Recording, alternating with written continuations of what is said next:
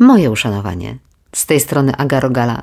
Pomagam rodzicom dogadać się ze sobą i ze swoimi dziećmi, a ten podcast jest szczególnie o dogadywaniu się ze sobą w związku, w małżeństwie, w partnerstwie, po to, żeby ten związek był właśnie tym, co zasila nas do innych ról, do bycia mamą, tatą i e, do innych naszych realizacji swojej osoby. Bo tak sobie myślę, że to jest idealne miejsce do ładowania baterii. No. No dobrze, dzisiaj chciałam ruszyć taki temat, który, powiem Ci, mam go tak rozrysowanego na kartce e, w taką mapę myśli i strasznie to jest duży pajączek z wieloma odnóżami. I tak podotykam, dobra? Podotykam różnych kwestii, różnych kwestii dawania rad, dotyczących dawania rad w związku, a inspiracją do tego, tego odcinka jest um, rolka jest rolka, którą zrobiłam o tym, że kobiety, które spotykam e, w terapiach, e, na terapii par albo na terapii indywidualnej, to one bardzo często mówią: Pani Agnieszko, niech ktoś powie temu mojemu mężowi, że ja nie chcę rad, że tylko chcę, żeby on mnie wysłuchał. Jezusie Maryjo, jak ja to powiedziałam na Instagramie i na Facebooku, no to bardzo było wiele obrażonych głosów. Bardzo wiele.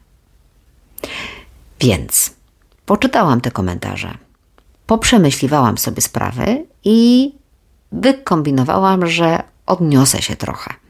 Może nie wprost do tych komentarzy, ale odniosę się trochę do tego, o co tu chodzi z tym dawaniem rad i gdzie jest chyba problem w tym, e, w rozumieniu tego tematu, po to, żebyś ty mógł, mogła zrobić z tego odpowiednio dobry użytek dla siebie, dla swojego związku, bo tego bym najbardziej chciała. No dobra. Czy dawanie rad jest z gruntu złe? No nie, no wiadomo, że nie.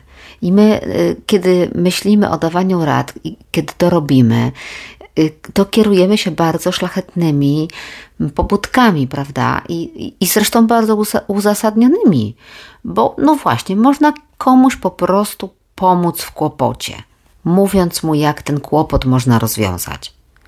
Można mm, poczuć się użytecznym, pomocnym, ważnym nawet. I nie ma w tym nic złego. Można się drugiemu człowiekowi zwyczajnie przydać. I na dodatek robić to absolutnie z miłości. Z miłości do tej drugiej osoby, z miłości do, do tego dziecka, któremu udzielam rad, albo temu mężowi, czy tej żonie, czy tej bliskiej osobie. Można komuś skrócić drogę do rozwiązania dając mu odpowiednią, trafną radę, prawda? W tym nie ma nic złego. Ale, ale, ale, ale, od czego by tu zacząć? Słuchaj, jedna z rzeczy, o których warto pomyśleć. Pierwsza. Czy wiesz, że udzielając komuś rad, mówiąc, kiedy ktoś opowiada ci o swoim problemie, mm, kiedy ty zaczynasz mówić, słuchaj, moim zdaniem to trzeba by zrobić to i to, albo słuchaj, no według mnie to ty powinnaś, to czy tamto, albo wiesz, nie no to koniecznie w takiej sytuacji to ty musisz to lub to. Weź pod uwagę, że możesz stwarzać wrażenie, że osoba, do której mówisz, nie da sobie sama rady. Nie? Ta osoba może cię właśnie tak odebrać. Nie wierzysz we mnie. Sądzisz, że nie dam sobie rady, sądzisz, że nie potrafię wygenerować odpowiedniego rozwiązania. Czy chcesz, żeby miała właśnie takie wrażenie? Po drugie, jeśli ktoś ci opowiada o Twoim problemie, a Ty wyskakujesz szybko, zrób to czy tamto, albo powinieneś zrobić to czy tamto, albo moim zdaniem, albo gdybym był na Twoim miejscu, czy gdybym była na Twoim miejscu, bardzo trudno jest się pozbyć wrażenia, chociaż czasem nie umiemy tego wrażenia nazwać, ale bardzo trudno jest się pozbyć wrażenia, że jednym uchem tylko mnie słuchałeś, albo jednym uchem tylko mnie słuchałaś. Połowa Twojej uwagi skoncentrowana była na tym, co Ty potem powiesz. Nie? Czyli, że o Ciebie chodzi w tej historii, nie o mnie. Bardzo niefortunne poczucie to jest. Możesz dać komuś takim swoim zachowaniem, takim swoim udzielaniem rady, poczucie, że no nieudolny jest ten człowiek po drugiej stronie. Nie daje rady. Jest jakieś proste rozwiązanie, on nawet na to nie wpadł. Na szczęście, no, ty w swym oświeceniu wiesz. ty, który może właśnie, udzielając tej kolejnej rady, wychodzisz na człowieka, który zawsze musi wiedzieć lepiej. Chcesz tego? Chcesz takiej opinii? Takiego wrażenia? My często robimy rzeczy, które jakby mamy bardzo słuszne mm, motywy za nami stoją, ale tylko z naszej perspektywy. A z perspektywy tej drugiej osoby, siedzącej po drugiej stronie stołu, czy na krześle obok, czy po drugiej stronie słuchawki, tak to nie wygląda. O czym jeszcze warto pomyśleć w kontekście dawania rad albo nie dawania rad? Słuchaj, tak szczerze, po co chcesz dać radę? Hmm? Po co chcesz dać radę? Żeby ktoś poczuł się lepiej? Okej. Okay.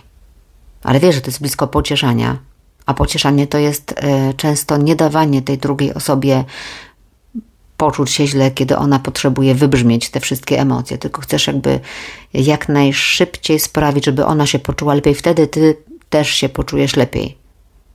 Wiesz o co chodzi? Że, że nie dajesz komuś przeżyć sytuacji, skonfrontować się z problemem, zastanowić się nad nim.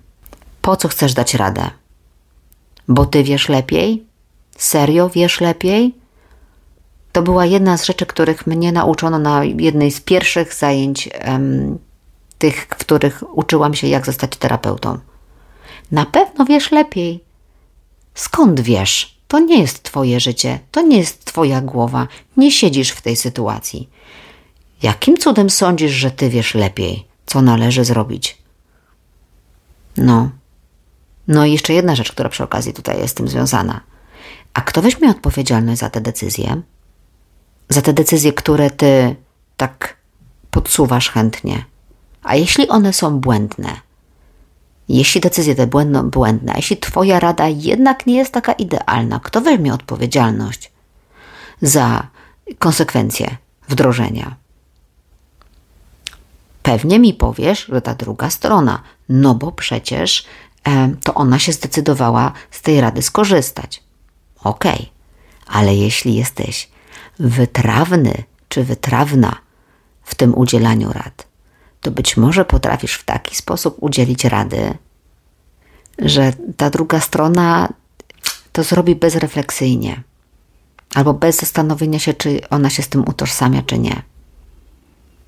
Kto bierze wtedy odpowiedzialność za tę decyzję? Chcesz ją wziąć na siebie, tę odpowiedzialność? Serio? Naprawdę było grono osób, które poczuło się obrażone tym, że ja powiedziałam, że kobiety, żony mówią: Nie chcę rad od męża, chcę, żeby mnie wysłuchał. W ogóle po pierwsze, po pierwsze, primo, jak mówią niektórzy, druga część tego zdania w ogóle głucho. Głucho. To w ogóle nie przeszło. Osoby obrażone zatrzymały się na pierwszej części tego zdania. Nie chcą mojej rady. To znaczy, nie jestem ważny, nie jestem potrzebny, nie mogę, nie wolno mi. A nawet ktoś napisał: Nie ma rad, to nie ma dialogu. Na miłość boską. Po prostu dla mnie to są ekstremalnie frustrujące momenty, kiedy widzę coś tak zajebiście wyraźnie i tylko ja to widzę. Serio? Serio? Jak ktoś przychodzi do mnie z problemem, to nie chodzi o mnie. Kumasz, jakby przychodzi do ciebie żona albo przychodzi do ciebie mąż i mówi: Mam, po prostu miałam beznadziejny dzień. Szef po mnie jechał jak po ziemi na jesieni, po prostu zaorane. Nienawidzę mojej pracy. Nie cierpię takiego stylu życia. No masakra, boli mnie głowa od samego myślenia na ten temat. No i co? Powinna rzucić tą pracę. Albo wiesz, że musisz do tej pracy chodzić, bo mamy kredyt do spłacenia. Słuchaj, wiesz, ile razy ja słyszałam, że, e, że ty w ten sposób narzekasz i co zamierzasz z tym zrobić? Ile razy jeszcze będziesz takie rzeczy mówić? To nie jest o tobie, to, to nie masz ty teraz tu wytłumaczyć, dlaczego źle się myśli, źle się robi i tak dalej. Ktoś przychodzi do ciebie i ma ten komfort psychiczny, że ma człowieka, widzi go w tobie, komu może się opowiedzieć. To jest błogosławieństwo. Rozumiesz? To jest błogosławieństwo, że jest ktoś, kto uznał, że jesteś właściwymi uszami, że to przyjmiesz. a może jesteś jedyną osobą, której ta osoba to może powiedzieć. To naprawdę wystarcza. Zwłaszcza na początku, to naprawdę wystarcza. Odbierz to jako błogosławieństwo, a nie, że o Jezus Maria, teraz nie możesz się wypowiedzieć naprawdę, co ty o tym myślisz. No nie możesz, to nie jest najważniejsze. Słuchaj, co więcej, jak cię bardzo język swędzi, to zapytaj. Ja ci powiem, ja tak robię, pytam. Pytam, czy ty chcesz mojej rady, czy chcesz się wygadać? I obie opcje są dobre, bo tu nie chodzi o mnie. Jakie nie ma dialogu, jak nie udzielam rad? To jest w ogóle taki absurd, że mi po prostu witki opadają. To znaczy co? Jak ktoś mi opowiada e, o swoim problemie, to jedyny dialog, jaki może nastąpić, to wtedy, kiedy ja mu powiem, co ma robić? Albo jakie będzie dobre rozwiązanie? No nie, skarbie. Jeśli potrzebujesz dialogu, albo jak chcesz dobrze zareagować na e, to, kiedy ktoś wylewa przed tobą problem, to możesz zapytać: No i jak ty to teraz widzisz? Albo masz na to jakiś pomysł? Albo jak myślisz, co będzie teraz użyteczne dla ciebie? Wiesz, naprawdę, naprawdę są opcje do rozmowy. W ogóle cała taka kwestia y, zmówienia o problemie, która też wypłynęła przy tej rolce i też spowodowała mój opad Witek, że jak nie, że jak ktoś mówi o problemie, to zrzędzi albo narzeka tylko, albo a już jak już nie chce mojej rady, to nawet to znaczy, że nie szuka rozwiązania i tylko przyszedł po prostu ględzić mi do ucha. No, nie wiem od czego zacząć, kiedy o tym myślę i, i, i o tym chcę powiedzieć, ale dobra. Po pierwsze, naprawdę jest masa osób, która mówiąc układa swoje myśli, która mówiąc, opowiadając problem, sprawia, że on staje się nieco mniejszy, nieco mniej przytłaczający, która mówiąc generuje rozwiązania. Amen. Naprawdę możesz się przydać, nawet jeśli tylko słuchasz. Hmm? Po pierwsze. Po drugie, okej, okay, być może są osoby, które mówią ci pięćdziesiąty raz o tym samym problemie. Zastanów się, dlaczego to jest dla ciebie kłopot. Jeśli to jest dla ciebie kłopot taki, że musisz tego słuchać, czemu? Nie wiem. Nie wiem. To to jest twoja relacja. To może potrafisz y, w jakiś taki nieraniący sposób zapytać: OK, słuchaj, ja słyszę, że to jest kolejny raz ta opowieść. Czy to znaczy, że mm, mam tego po prostu słuchać i to ci wystarcza? Czy to znaczy, że potrzebujesz mojej rady? Czy ty chcesz tutaj coś zmienić? Czy tak ma zostać? Są sytuacje, które ludzie muszą 50 razy opowiedzieć, może żeby to im się ułożyło w głowie. Nie wiem. Ja już abstrahuję od tego, że kilka razy padło nawet, że to takie babskie, nie?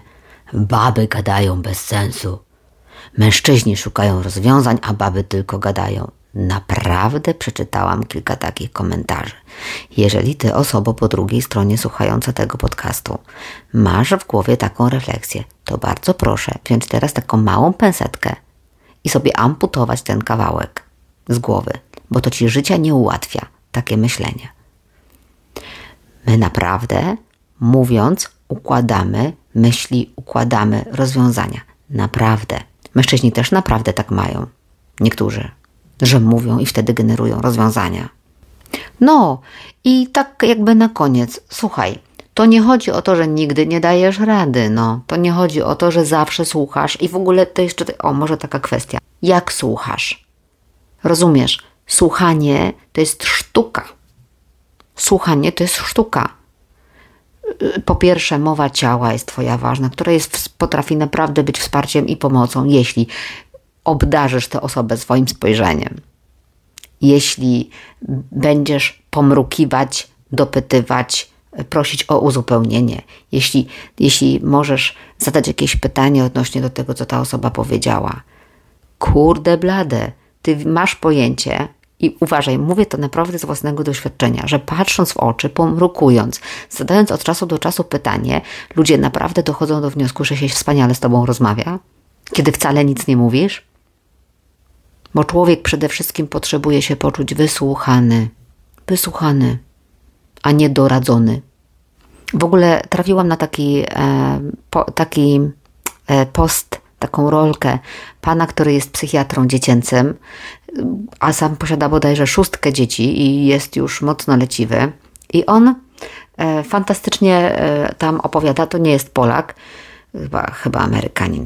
On fantastycznie tam opowiada, że nawet dzieciom rady nie są najbardziej na świecie potrzebne. Dzieci, żeby rozwijały się zdrowo, żeby wyrosły na odpowiedzialnych, samodzielnych młodych ludzi, młodych, no i potem starszych, to potrzebują uszu. Przede wszystkim od rodzica. Uważnych uszu. Komuś, kogoś, komu mogą się opowiedzieć, komu mogą opowiedzieć problem, komu, dzięki komu mogą siebie same usłyszeć.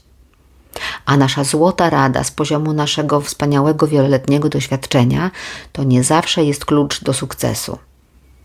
Więc jeśli przy dzieciach, przy niedojrzałych mózgach jest taka zasada, to co, co jeszcze lepszego może spotkać nas w relacji z drugą osobą, dojrzałą, o dojrzałym mózgu, kiedy damy jej swoje przede wszystkim uszy, a nie złotą radę i klucz. Po prostu pytaj.